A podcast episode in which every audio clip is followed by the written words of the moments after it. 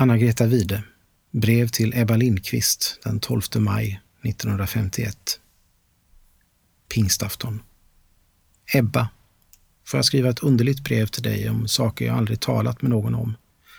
Det blir ingenting att skriva svar på, men jag tror att vi snart träffas. Du vet kanske hur ett spädbarn reagerar när man hotar att dra bort underlaget. Detta är min situation, exakt.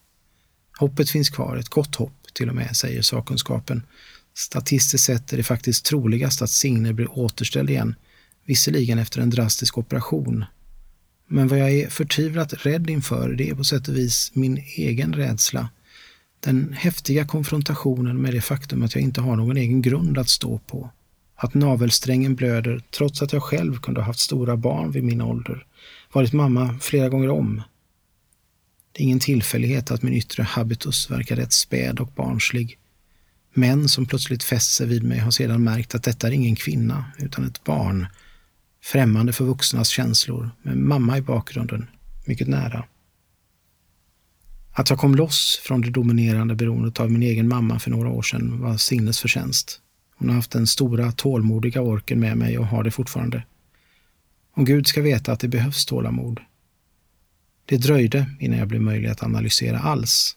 Först ville jag nämligen bara krypa ihop i fosterattityden. Gud vet om jag stack tummen i mun också, det skulle inte förvåna mig alls. Så la jag min näsa mot Signes kind eller huvudet mot hennes axel och sen molteg jag och sjönk in i någon slags halvsömn. Och detta var det enda jag hade lust till. Signe begrep det och lät mig hållas. Hon har ett ganska utsträckt psykologiskt kunnande och dessutom åtskilligt med moderlig intuition. Det är hennes åsikt och trots medfödd skepsis börjar jag tro att hon har rätt.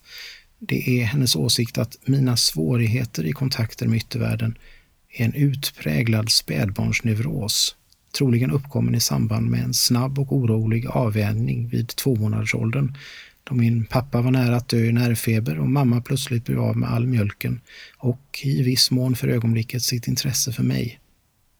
Det här låter ganska teoretiskt, men när jag tittar på mig själv och mitt beteende, när jag tänker på de oproportionerliga övergivenhetskänslor som störtar över mig så snart det uppstår den minsta vacklan i den ena eller andra formen just i fråga om moderskontakt, ja, vet du, då är det som om teorin blev förtvivlad verklighet. Nu tyckte både Signe och jag att jag hade hunnit bli lite större. Jag hade lite tjockare hud och var inte så babymässigt beroende längre.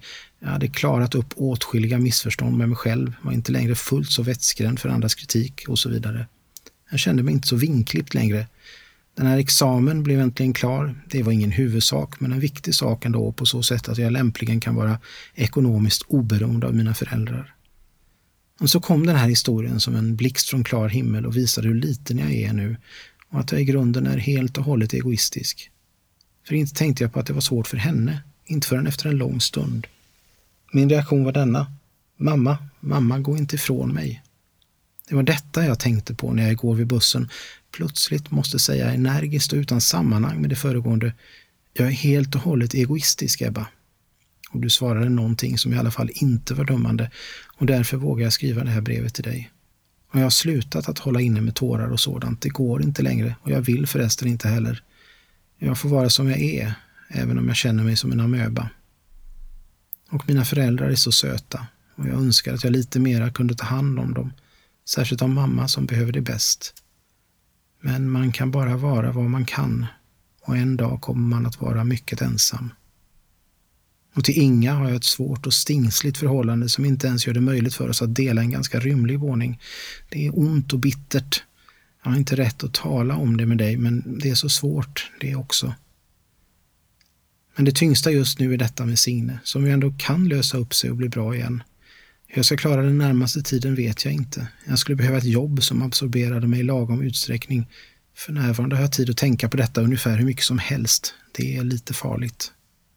Det är ljuvligt ute.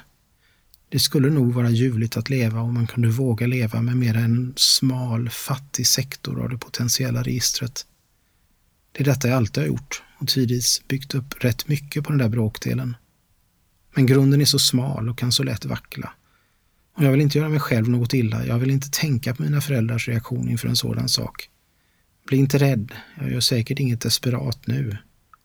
Förlåt mig Det känns som om jag måste säga det. Och så träffas vi väl snart. Det var inte roligt att komma till bussen igår och säga som det var när du stod där och såg glad ut med kassar och paket. Lille vän, adjö så länge. Anna-Greta. Det var skönt att skriva det här brevet. Tack ska du ha.